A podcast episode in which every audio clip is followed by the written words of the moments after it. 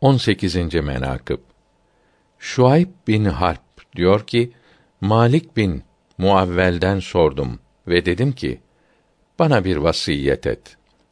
Dedi ki şeyhaynı sevmek senin üzerine olsun. Ben dedim bana bir vasiyet et. Allahü Teala sana rahmet etsin. Muradım odur ki bu haberin isnadını beyan etsin.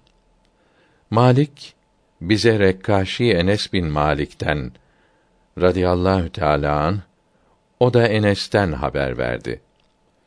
Resulullah sallallahu teala aleyhi ve sellem hazretleri buyurdular ki: Ben ümmetimden Ebu Bekir'in ve Ömer'in muhabbetini La ilahe illallah Muhammedun Resulullah kavli şerifini istediğim gibi isterim.''